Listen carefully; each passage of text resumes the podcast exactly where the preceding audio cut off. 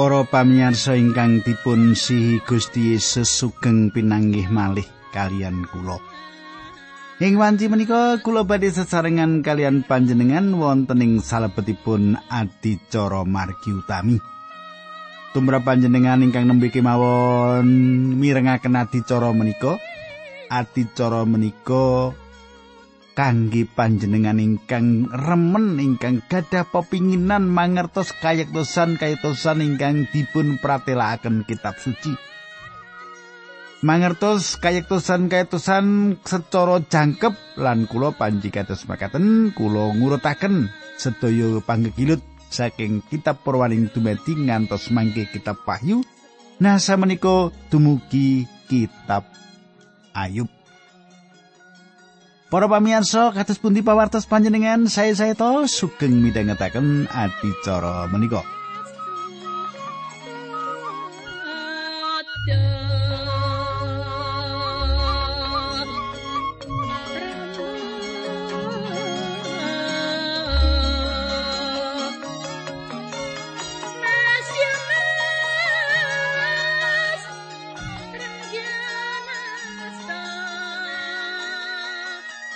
Para pamirsa, kula badhe mangsuli sekedhik menapa ingkang kula aturaken duk nalika pepanggihan kepengker. Ing pepanggihan kepengker, kita sampun nyemak kados pundi awratipun Ayub nandang kasangsaran. Lan piyambakipun sampun siap menawi kedah ngadepi pati. Para pamirsa kita badhe lajengaken monggo kita tumungkul kita ndedonga langkung rumiyin. Duh Kanjeng Rama ingkang adhedhampar wonten kraton ing kasuwargan kawula ngaturaken gunging panuwun menawi wekdal menika kawula saged tetunggilan kalian sedherek-sedherek kawula ingkang setya tuhu midhangetaken adicara menika. Kawula ngaturaken gunging panuwun lan nyuwun tuntunanipun Gusti linambaran asmanipun Gusti Yesus Kristus kawula netunggal haleluya amin.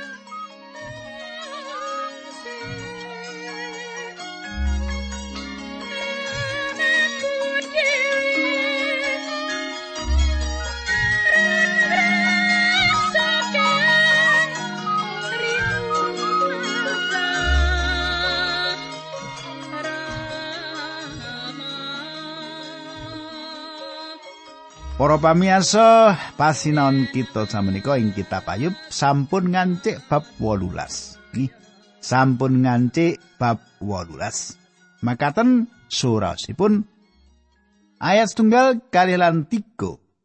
Bildad sanjang. He Ayub, besok kapan nggonmu meneng ora caturan? Menengo. Saiki genten aku sing arep kondo. Ayat 3 Yo gini, aku kok kaanggep bodoh lan kok padake sapi. Makaten pangandikanipun Gusti, kadang kula. Secara gamblang Bildad Sanjang Ayub kowe apike meneng wae karben aku kabeh bisa ngomong. Kowe kudune meneng lan wiwit ngrungokake kowe ngomong terus kamangka kudune wektune kowe ngrungokake tembung-tembungku. Para pamirsa sayektosipun tiang-tiang menika sedaya Ayub lan para mitranipun saged ngendhaleni diri lan mirengaken. Nanging Ayub lan para mitranipun boten siap mirengaken suwantenipun Gusti Allah ing wekdal semanten. Gusti Allah sawek nyawisaken Ayub supados mirengaken suwantenipun Gusti Allah. Lan panci sasampunipun menika, Ayub purun mirengaken pangandikanipun Gusti Allah. Bildad tanglet dumateng Ayub kenging menapa piyambakipun ngenyek sanget dumateng para mitra menika. Lan kenging menapa para mitra dipun anggap duraka. Tiang-tiang ingkang nuweni piyambakipun menika mitra, samenika mboten malih dados mitra. Kula lajengaken ayat sekawan. Nepsumu mung gawe larane atimu dhewe. Apa mergo kepentinganmu bumi kudu dadi sepi lan gunung-gunung dielih saka papane? Kadang kula Bildad inggih menika tiang tradisionalis lan piyambakipun nyumendheaken samukawis dhateng jaman ingkang kepengker. Piyambakipun rumaos bilih menapa ingkang leres ing jaman kepengker ugi cekap sae kangge jaman samenika inggih menika cara ingkang dipun ginakaken piyambakipun. Kita lajengaken ayat gangsal. Oncore wong ala mesti dipateni lan genine ora bakal diurupake meneh. Kadang kula boten wonten ingkang langkung leres ingkang saged dipun sanjangaken nanging boten saged dipun terapaken ing gesangipun Ayub. Ayat 6 ngantos sedasa. Pepadang ing kemahe bakal surem, lampune gantung bakal ora murup meneh. Jangkae bakal ora mantep lakune gloyoran bakal kesandung rancangane dhewe. Lakune ngambahing jaring mulane sikile kesrimpung, tungkae klebu ing kala temah wong mau kejiret. Ing lemah kena jiret sing kaling-kalingan ing dalan kena pasangan kala. Para pamirsa, panjenengan saged ningali bilih Bildad nyukani tembung ingkang boten wonten ginanipun lan nglantaraken kados satunggal perkawis sing salebetipun ilmu matematik kawitan piyambakipun nglempakaken sedaya bukti bukti lan salajengipun piyambakipun dumugi ing ringkesanipun lajeng inggih menika jawabanipun. Nanging gesang boten kados makaten menika. Kangge satunggal perkawis inggih menika gampil ing salebetipun gesang kangge miwiti kanthi panginten ingkang lepat. Menawi pangintenipun pas tiyang saged dumugi ing ringkesan ingkang sae nanging menawi panginten utawi gadah panganggep nika lepat reringkesanipun ugi badhe lepat menawi A sami kalian sedoso lan panjenengan anda dosaken sami kalian gangsa welas. Panjenengan boten badhe dumugi ing jawaban ingkang leres atas perkawis panjenengan, malah menawi panjenengan ginakaken cara ingkang bener.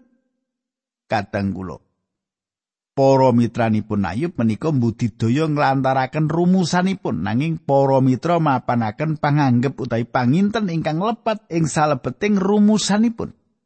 Bildad ngetingalaken kanthi aturan ingkang keras lan enggal-enggal meratelaken bilih Ayub sampun mlebet ing salebetipun jiret lan menika saking hasil pratrapipun piyambak lan boten wonten keterangan sanes. Satunggal panjarwa ingkang sanes dheweke mlebu ing perangkap awit jangkae dhewe lan dheweke mlaku ing sandure kala. Para pamirsa samenika ayat 11 ngantos pitulas Ayub bab 18. Wong ala didingkik dening perkara sing gegirisi sing ngebyuhi saka ndindi paukuman ngetotake ing salaku lagune. Biyen dheweke rasa nanging saiki wetenge kaliren mrana mrene tansah ditutake dening kasangsaran. Kulite kebak borok tangan lan sikile kebak mudun nanahan. Dheweke digelandang saka kemahe diseret ngadep marang ratu ning pati. Saiki sapa wae kena ngenggoni kemahe. Lirang disebar kanggo nambani lelarani. Brayati kaya oyot sing garing, anak turune kaya pang sing alum lan kisut. Wong ora tepung meneh karo dheweke siji wae wis ora ana sing kelingan jenengi wong sing ana ing kutha utawa sing ana njabani Para pamirsa ingkang dipun sihi Gusti Yesus Bildat sanjang pilih penyakit menika badhe ngrisak badan tiang duraka. Latu ala badhe ngrisak papan panggenanipun lan naminipun badhe dipun busek keluarganipun badhe cilaka tiang menika mboten badhe gadah anak utawi putu. Anggenipun gabuk badhe ngicali turunaning mangsa tembi sedaya perkawis menika dumados atas tiang-tiang duraka. Nanging menika mboten saged dipun terapaken ing gesangipun ayub. Satunggal pratela saged leres 100% nanging makaten mboten saged dipun terapaken ing salebetipun kahanan ingkang dipun lampahi satunggalipun tiang. Kulo raos inggih menika sebabipun kathah konseling jaman samenika mbebayani kathah psikolog Kristen ingkang sae nanging kathah psikolog asring gadah anggapan ingkang boten pas lan kangge alasan menika psikolog boten saged nyukani konseling utawi bimbingan. Kadang kula para mitra menika mbudidaya nyukani konseling dumateng Ayub nanging tiang-tiang menika mboten saged. Bildad sanjang pilih tiang duraka badhe dipun adili, tiang duraka naminipun badhe dipun icali menika panci leres. Nanging sinaosa pratela menika leres. Ayub sanes tiang ingkang kados makaten. Para pamirsa kita lajengaken ayat 18. Dheweke disingkirake saka papan sing padang menyang papan sing peteng ditundung saka donyane wong urip Para pamirsa menika satunggalipun gambaran sanepa ingkang dipun lampahi tiang duraka nanging menika mboten saged dipun trapaken ing gesangipun Ayub.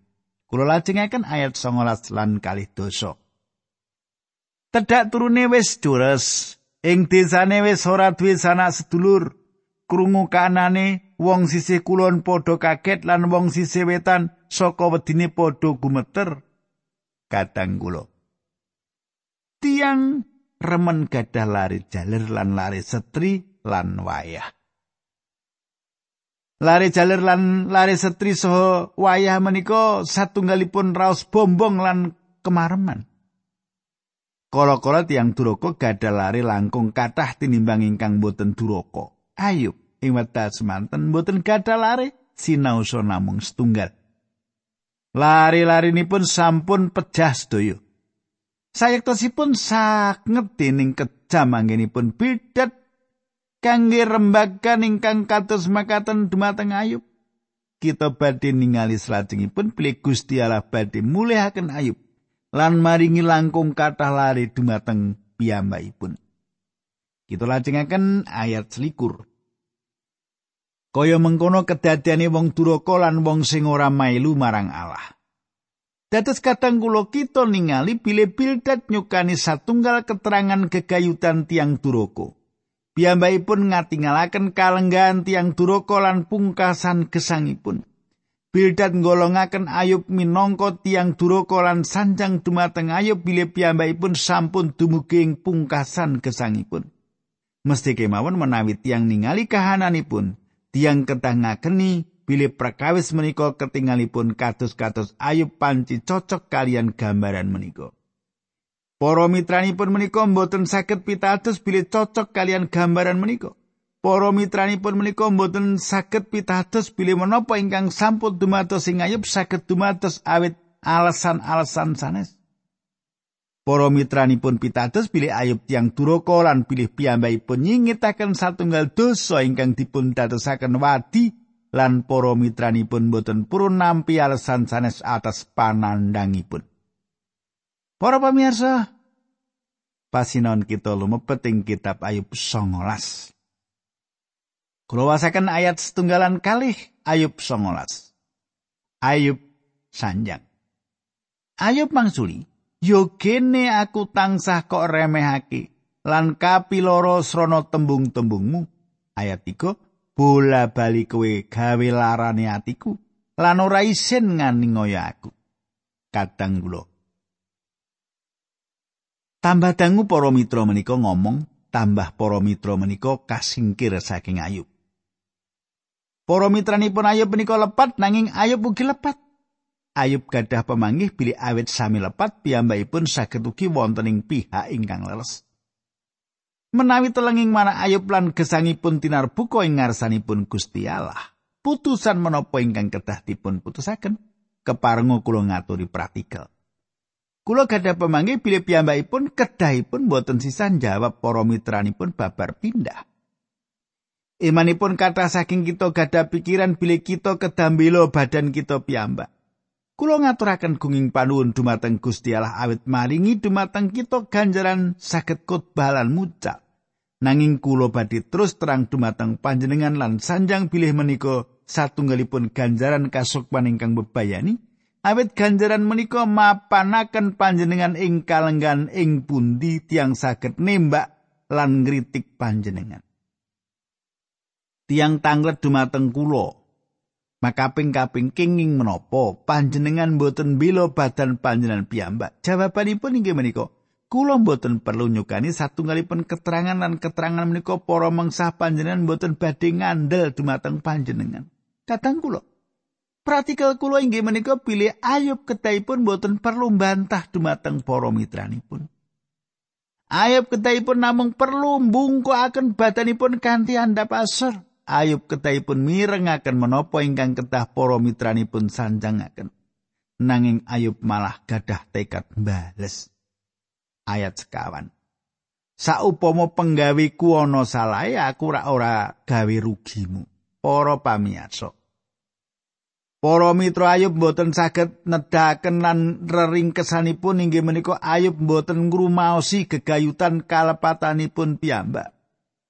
Kita boten sempurna nanging saperangan ageng ing antawisipun kita wuta dumateng kalepatan kita piyambak. Ayub inggih menika manungsa ingkang wuta atas kathah kalepatanipun piyambak.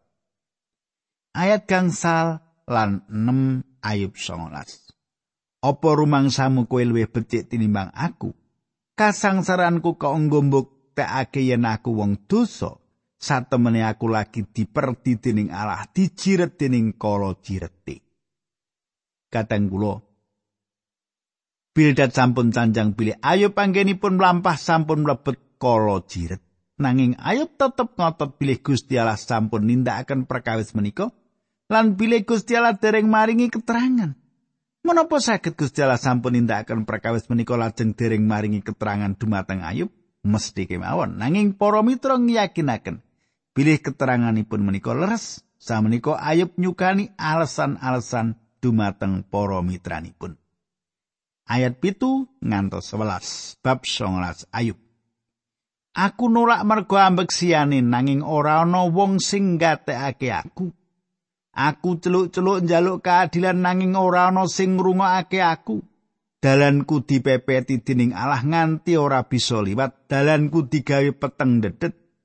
Bandaku dirampas kabeh, jenengku dirusak, aku dibedol saka omahku kaya wit.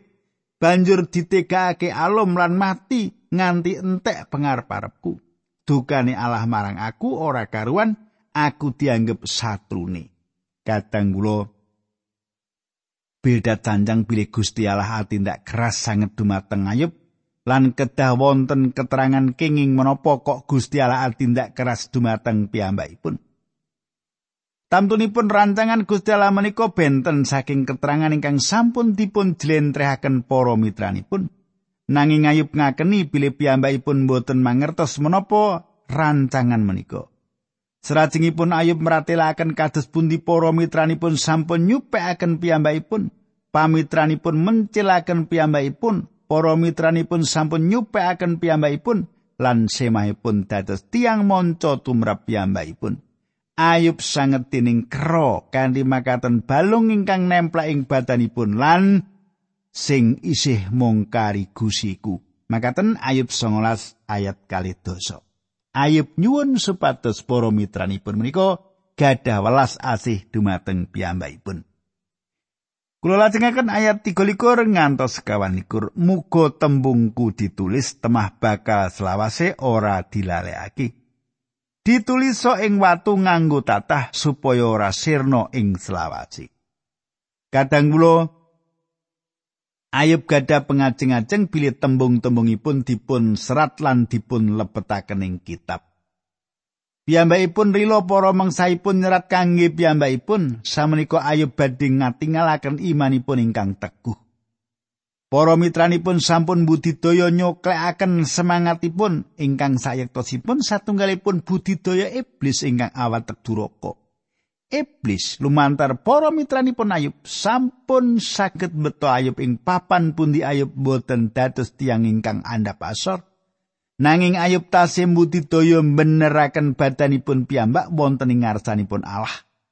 Nanging Ayub dereng dawah ngantos ngantem ing dasaring ngari Para mitranipun dereng saestu-estu ngejur Ayub Ayub gada iman ingkang gesang lan nyoto dumateng Gusti Allah lan ing mriki piyambakipun meratelaken salah satunggal pratela ingkang ageng piyambak ing salebetipun kitab suci. Sanes kemawon pratelanipun ingkang ageng nanging perkawis menika ageng awit tiang ingkang meratelaken inggih menika tiang ingkang sakit, tiang ingkang siap pecah. Ayub sampun kecalan samukawis Piyambakipun sawektipun disiplin dening Gusti Allah ingkang Maha Kuwaos lan piyambakipun ngrasakaken pecut ingkang mecuti gegeripun nanging Ayub tasih saged sanjang.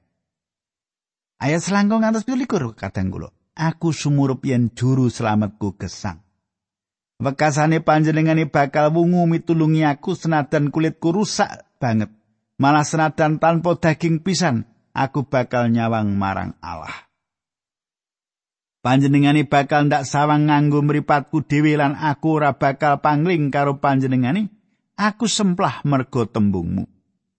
Kadang kula, inggih ayub dados sakit lan gonjang-ganjing gesangipun awit sedaya kangilan ingkang dipun lampahi.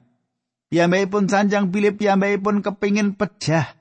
Piyambakipun boten ngrembak bab anggenipun dipun sirnakaken. Ayub sanjang kegayutan pati ingkang badhe nguwalaken piyambakipun saking samukawis kangilan gesangipun. Kula pikir perkawis menika cetha. Piyambakipun mangertos, piyambakipun badhe dipun bungokaken malih. piyambakipun mangertos bilih badanipun badhe kepanggih kalian Gusti Allah. Ayub mangertos bilih malah menawi cacing-cacing risak badanipun sasampunipun piyambakipun pecah. Nanging ing salebetipun badanipun piyambakipun badhe kepanggih kalian Gusti Allah. Piyambakipun pitados kekayutan patangen saking pati menika. Badan kita badhe wangsul dateng siti. Badan-badan ingkang pecah ing salebetipun Sang Kristus badhe dipun syarekaken nanging roh kita badhe langsung kisah sesarengan kalian Sang Kristus. Kados menapa indahipun Ayub sepindah malih sesambat dumateng para mitranipun sesampunipun nyukani pratela ingkang kados makaten menika. Ayat 28 ngantos 29. Kepriye patrape nyiksa dheweke? Kowe golek dadaan kanggo nyerang aku, nanging saiki padha wedi karo pedang. sebab Allah duka lan ngukum marang dosa mulane padha ngertia yen ana Allah sing ngadili manungsa panjenengan tingali sinasa para mitranipun dakwa kanthi kathah dakwan nanging ayub tetep teguh ing imanipun.